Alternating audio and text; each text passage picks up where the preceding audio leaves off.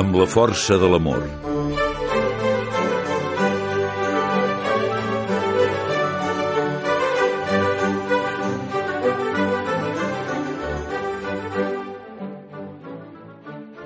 Enmig de la multitud, un d'aquells entesos que no encertaven ja discernir les ensenyances revelades a Moisès, embullades per ells mateixos amb una estèril casuística, ha fet una pregunta al Senyor. Jesús obre els seus llavis divins per respondre a aquest doctor de la llei i contesta pausadament, amb la persuasió d'aquell qui ho té ben experimentat. Estimaràs el Senyor el teu Déu, amb tot el cor, amb tota l'ànima i amb tota la ment. Aquest és el primer i el màxim manament. El segon li és semblant. Estimaràs el teu proisme com a tu mateix. En aquests dos manaments culminen tota la llei i els profetes. Ara fixeu-vos en el mestre reunit amb els seus deixebles en la intimitat del cenacle. En acostar-se al moment de la seva passió, el cor de Cris, voltat d'aquells que ell estima, esclata en flamarades inefables. Un manament nou us dono. Que us estimeu els uns als altres. Que així, com jo us he estimat, us estimeu també els uns als altres en això coneixerà tothom que sou deixebles meus, si us teniu amor els uns als altres. Per acostar-se al Senyor mitjançant les pàgines del Sant Evangeli, recomano sempre que us esforceu a ficar-vos a l'escena de tal manera que hi participeu com un personatge més. Així, jo ho sé de tantes ànimes normals i corrents que ho viuen, us abstraureu com Maria, pendent de les paraules de Jesús, o bé com Marta, us atrevireu a manifestar-li sincerament les vostres inquietuds, fins i tot les més petites. Senyor, per què l'anomeneu nou, aquest manament? Tal com ho acabem de sentir, l'amor al proisme era prescrit en l'Antic Testament, i també recordareu que Jesús, tan bon punt comença la seva vida pública, amplia aquesta exigència amb una divina generositat. Heu sentit que fou dit estimaràs el teu proisme i odiaràs el teu enemic. Doncs bé, jo us demano més. Estimeu els vostres enemics fent el bé als qui us avorreixen i pregueu pels qui us persegueixen i calumnien. Senyor, permeteu-nos d'insistir-hi. Per què continueu anomenant nou aquest precepte? Aquella nit, poques hores abans d'immolar-vos a la creu, durant aquella conversa entranyable amb els qui, a pesar de les seves flaqueses i misèries personals, com les nostres, us han acompanyat fins a Jerusalem, vos ens vau revelar la mesura insospitada de la caritat. Així com jo us he estimat. Com no us havien d'entendre els apòstols, si havien estat testimonis del vostre amor insondable? L'anunci i l'exemple del mestre esdevenen clars, precisos. Ha subratllat amb obres la seva doctrina. I, tot i així, molts cops he pensat que després de vint segles encara continua sent un manament nou, perquè molts pocs homes s'han esforçat per practicar-lo. La resta, la majoria s'ha estimat i s'estima més fer el desentès. Amb un egoisme exacerbat, en conclouen. Per què més complicacions? Ja em basta i em sobra amb el meu. Entre els cristians, una positura així no és vàlida. Si professem aquesta mateixa fe, si és de debò que ambicionem de trepitjar les nítides empremtes que els peus de Crist han deixat a la terra, no ens hem de conformar amb evitar als altres els mals que no ens desitgem nosaltres mateixos. Això és molt, però és molt poc, quan entenem que la mesura del nostre amor és definida pel comportament de Jesús. A més, ell no ens proposa aquesta norma de conducta com una fita llunyana, com la coronació de tota una vida de lluita. És, ha d'ésser, i insisteixo perquè ho tradueixis en propòsits concrets, el punt de partida, ja que Nostre Senyor ho anteposa com a senyal previ. En això coneixeran que sou els meus deixebles.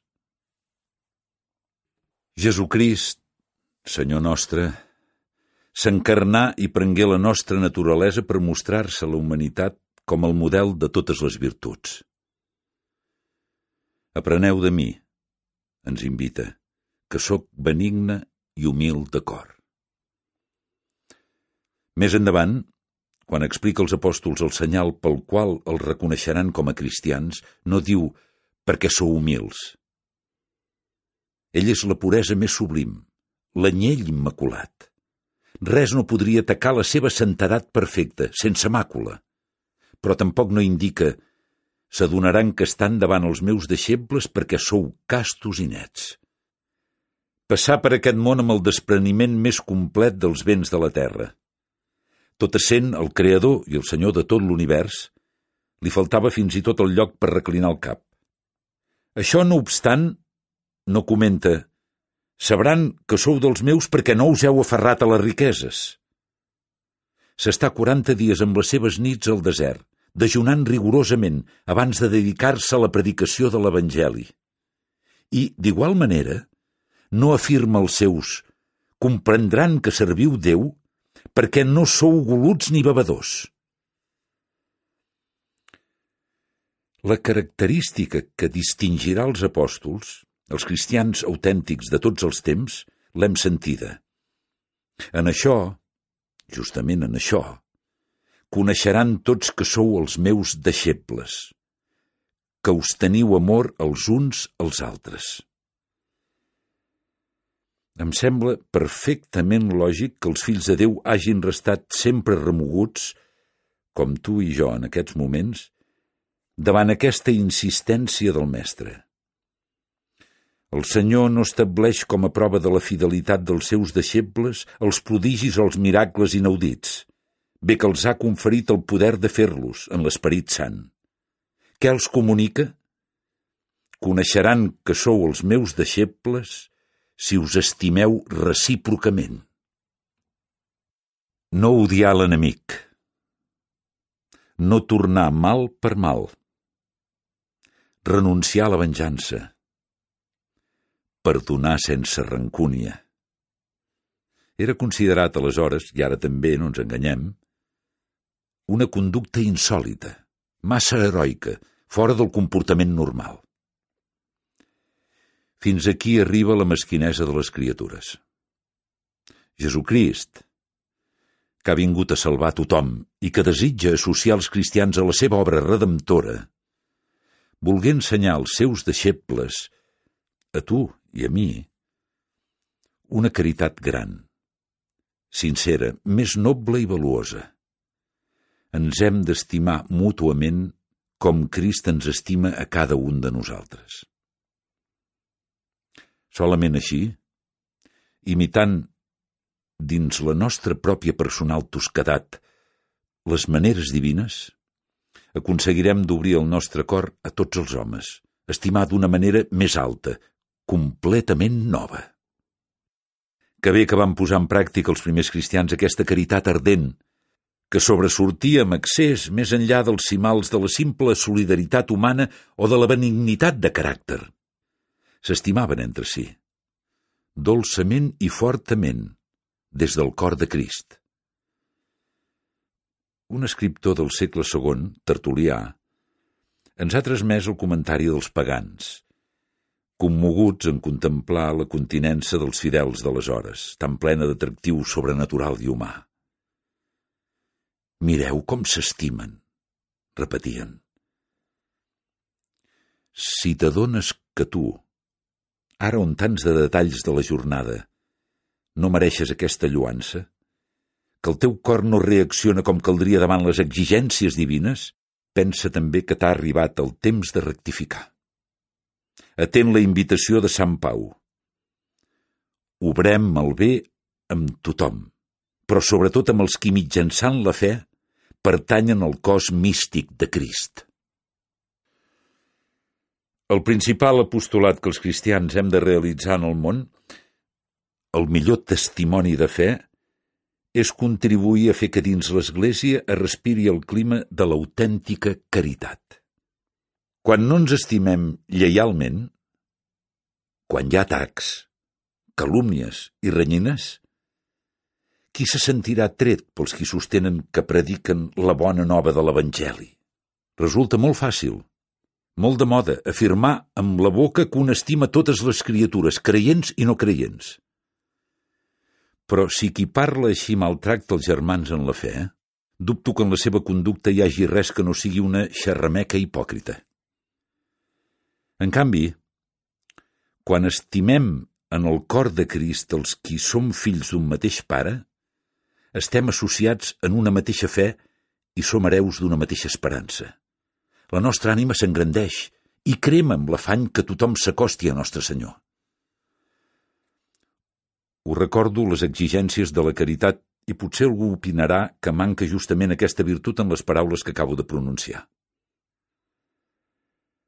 Res no fora més oposat a la realitat.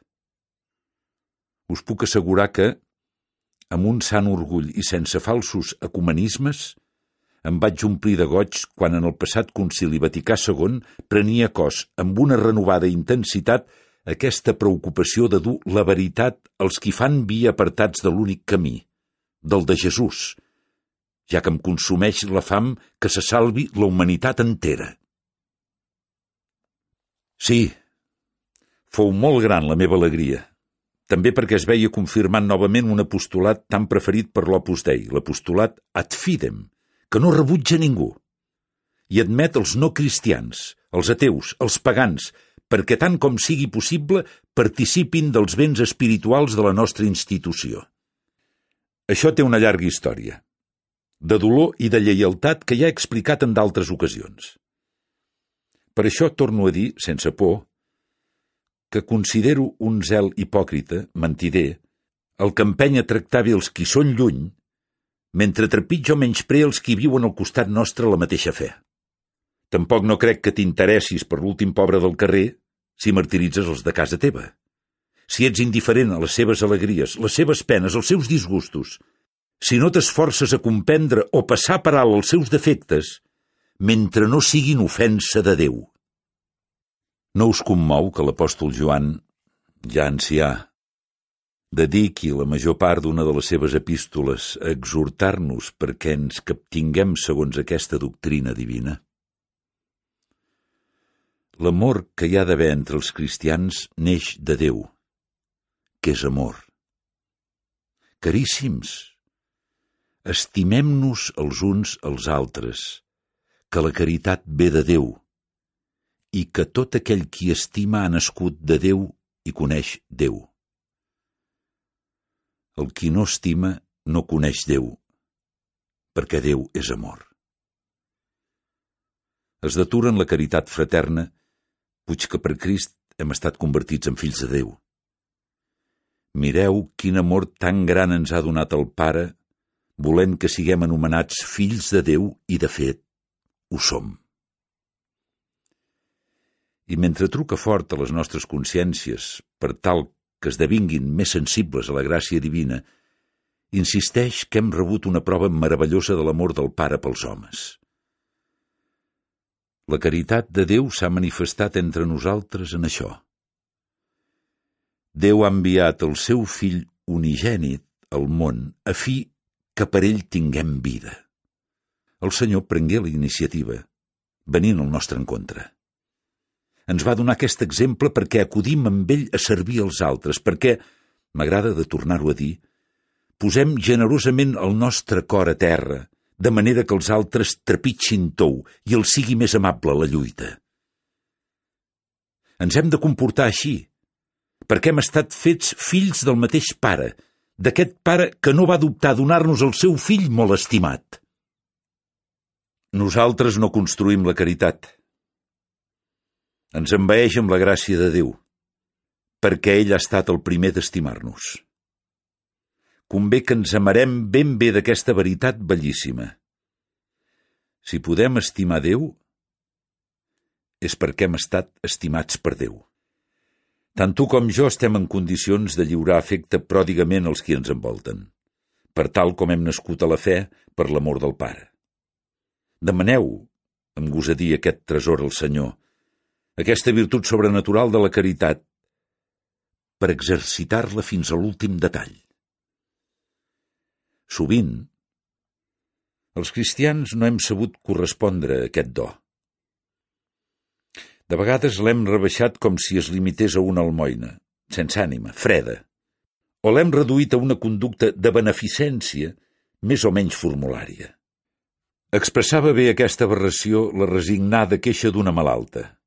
Aquí em tracten amb caritat, però la meva mare tenia cura de mi amorosament.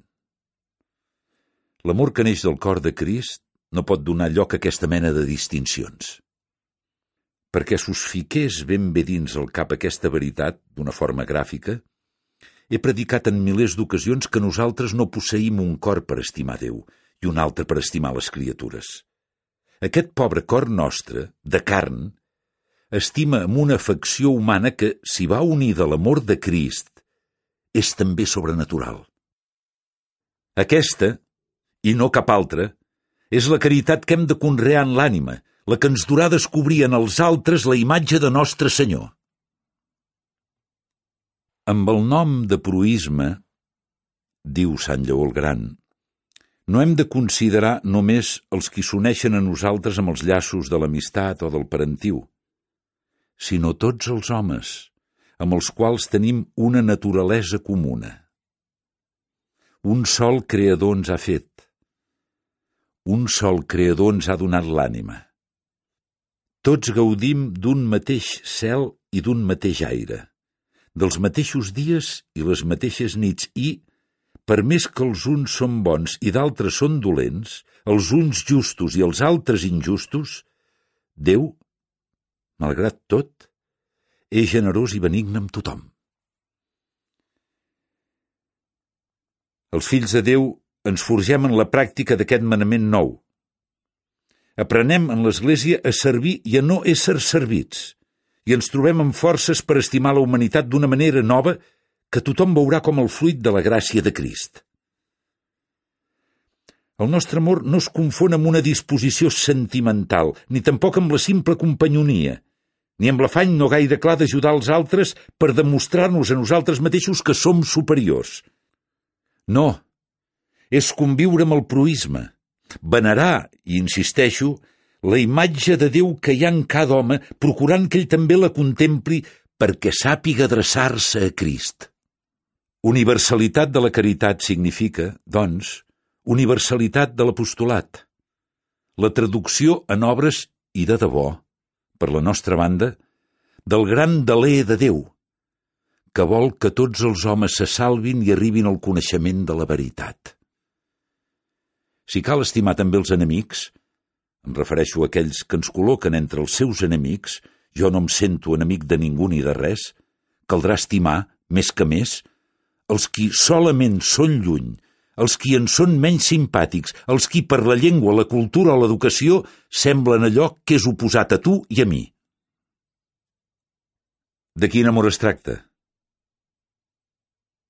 La Sagrada Escriptura parla de dilecció, a fi que s'entengui bé que no és només una qüestió d'efecte sensible. Expressa més aviat una determinació ferma de la voluntat. Dilecció deriva de elecció, d'elegir. Jo hi afegiria que estimar, en cristià, significa voler estimar. Fer el determini en Crist de cercar el bé de les ànimes sense discriminació de cap mena aconseguint per elles, abans que res, el millor. Que coneguin Crist. Que se n'enamorin. El Senyor ens apressa.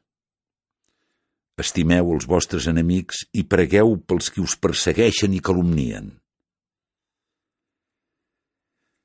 Podem no sentir-nos humanament atrets envers les persones que ens rebutjarien si ens hi acostàvem. Però Jesús ens exigeix que no els tornem mal per mal, que no malbaratem les ocasions de servir-les amb el cor. Per més que ens costi, que no deixem mai de tenir-les presents en les nostres oracions. Aquesta dilecció, aquesta caritat, s'emplena de matisos més entranyables quan es refereix als germans en la fe, i especialment els qui, perquè Déu ho ha establert així, es troben més a prop de nosaltres. Els pares, el marit o la muller, els fills i els germans, els amics i els col·legues, els veïns. Si no hi hagués aquesta estimació, amor humà noble i net, ordenat a Déu i fundat en ell, no hi hauria caritat. Em plau de recollir unes paraules que l'Esperit Sant ens comunica per boca del profeta Isaías. Dicite benefacere. Apreneu a fer el bé. Acostumo a aplicar aquest consell als diversos aspectes de la nostra lluita interior, perquè la vida cristiana no s'ha de donar mai per acabada, per tal com el creixement en les virtuts ens ve com a conseqüència d'un compromís efectiu i quotidià. En qualsevol tasca de la societat, com aprenem? Primer, examinem el fi desitjat i els mitjans per aconseguir-lo. En acabat, perseverem en l'ús d'aquests recursos, una vegada i una altra, fins a crear un hàbit arrelat i ferm. Així que aprenem alguna cosa, en descobrim d'altres que ignoraven i que són un estímul per continuar aquesta labor sense dir mai prou. La caritat amb el proisme és una manifestació de l'amor a Déu. Per això, en esforçar-nos per millorar en aquesta virtut, no ens podem fixar cap límit. Amb el Senyor, l'única mesura és estimar sense mesura. D'una banda, perquè mai no arribarem a agrair-li prou el que ha fet per nosaltres. D'una altra, perquè el mateix amor de Déu envers les criatures es revela així, amb accés, sense càlcul, sense fronteres. A tots els qui estem disposats a obrir-li l'oïda de l'ànima Jesucrist ensenya en el sermó de la muntanya el manament diví de la caritat. I en acabar, com a resum, explica Estimeu els vostres enemics. Feu bé i ajudeu sense esperar res a canvi. I la vostra recompensa serà gran i sereu fills de l'Altíssim, perquè ell és bo amb els ingrats i els dolents. Sigueu, doncs, misericordiosos com el vostre Pare és misericordiós. La misericòrdia no es queda en una actitud seca de compassió. La misericòrdia s'identifica amb la sobreabundància de la caritat que, en sems, porta amb si mateixa la sobreabundància de la justícia. Misericòrdia vol dir mantenir el cor en carn viva, humanament i divinament impregnat d'un amor ferm, sacrificat, generós.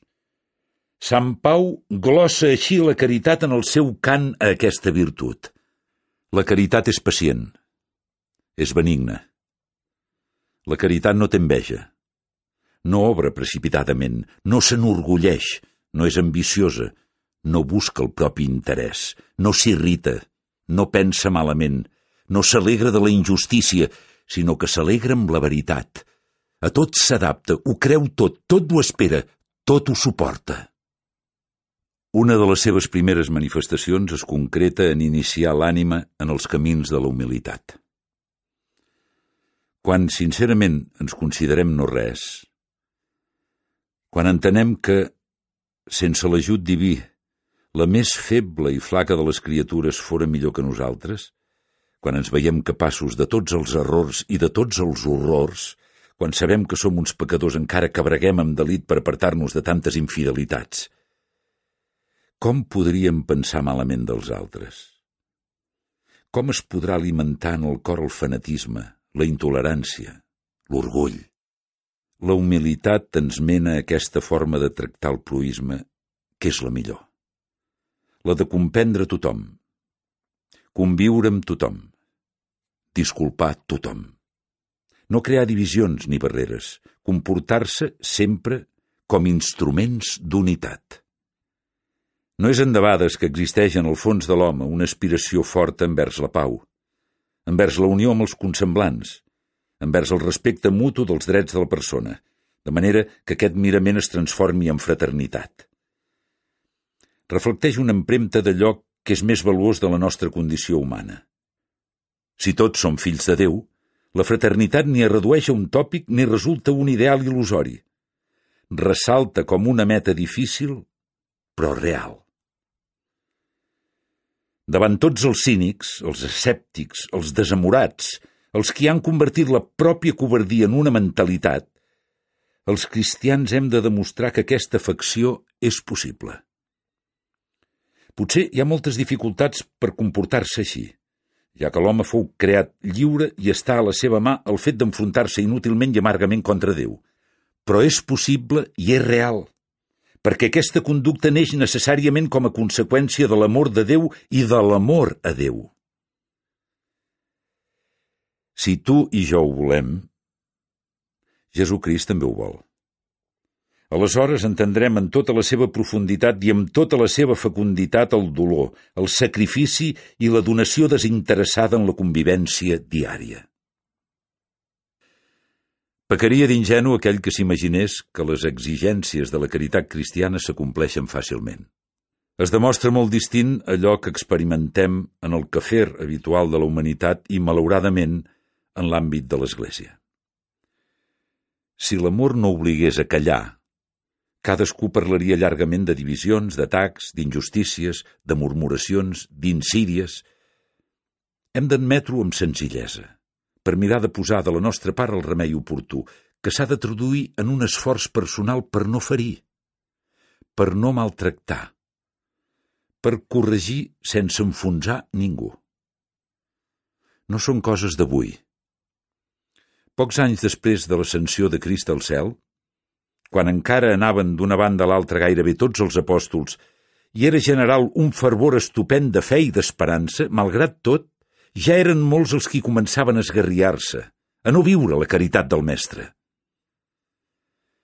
Del moment que entre vosaltres hi ha gelosia i desacord, escriu Sant Pau als de Corint, no sou per ventura carnals i no us comporteu d'una manera massa humana? Perquè quan l'un diu «Jo sóc de pau», i l'altre, jo d'Apolo.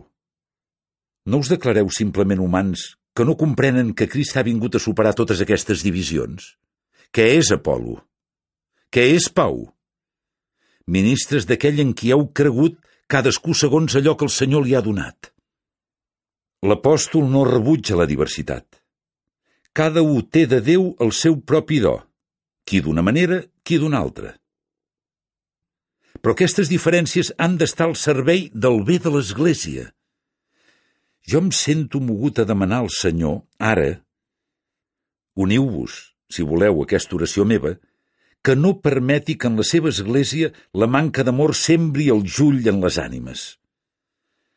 La caritat és la sal de l'apostolat dels cristians. Si perd el gust, com ens podrem presentar davant el món i explicar amb el cap alt que aquí hi ha el Crist? Així, doncs, us torno a dir amb Sant Pau, si jo parlés totes les llengües dels homes i dels àngels, però no tingués caritat, seria com un metall que sona o com el símbol que dringa. I si tingués el do de profecia i sabés tots els misteris i tota la ciència, si no tingués tota la fe fins a fer canviar de lloc les muntanyes, però no tingués caritat, no seria res. I si distribuís tots els meus béns per a sustentar els pobres, si oferís el meu cos i el foc em consumís, però no tingués caritat, tot allò de res no em serviria. Davant aquestes paraules de l'apòstol dels gentils, no falten els qui coincideixen amb aquells deixebles de Crist que, quan Nostre Senyor els anuncià el sagrament de la seva carn i de la seva sang, van comentar «És dura aquesta doctrina? Qui pot escoltar-la? És dura, sí, perquè la caritat que descriu l'apòstol no es limita a la filantropia, a l'humanitarisme o bé a la lògica commiseració davant el sofriment d'altri. Exigeix l'exercici de la virtut teologal de l'amor a Déu i de l'amor per Déu als altres. Per això, la caritat no caducarà mai, mentre que les profecies finiran, les llengües cessaran i s'acabarà la ciència. Ara subsisteixen la fe, l'esperança i la caritat, totes tres. Però la més gran de totes elles és la caritat. Ens hem convençut que la caritat no té res a veure amb aquesta caricatura que, de vegades, hom ha pretès de traçar de la virtut central de la vida del cristià. Aleshores, per què aquesta exigència de predicar-la contínuament? Sorgeix, com a tema obligat, bé que amb poques possibilitats que es manifesti en fets concrets. Si miréssim al voltant nostre, potser trobaríem raons per pensar que la caritat és una virtut il·lusòria. Considerant, però, les coses amb un sentit sobrenatural, descobriràs també l'arrel d'aquesta esterilitat l'absència d'un tracte intens i continu, de tu a tu, amb nostre Senyor Jesucrist, i el desconeixement de l'obra de l'Esperit Sant en l'ànima, de la qual el primer fruit és justament la caritat. Aplegant uns consells de l'apòstol, porteu-vos les càrregues els uns als altres i compliu així la llei de Crist, i afegeix un pare de l'Església, estimant Crist suportarem fàcilment les febleses dels altres i així mateix les d'aquell que encara no estimem, perquè no té obres bones. És per aquí que s'enfila el camí que ens fa créixer en la caritat. Si ens afiguràvem que abans ens hem d'exercitar en activitats humanitàries, en labors assistencials, tot excloent l'amor del Senyor, l'erraríem. No deixem Crist de banda a causa de la preocupació pel proisme malalt, ja que hem d'estimar el malalt per causa de Crist.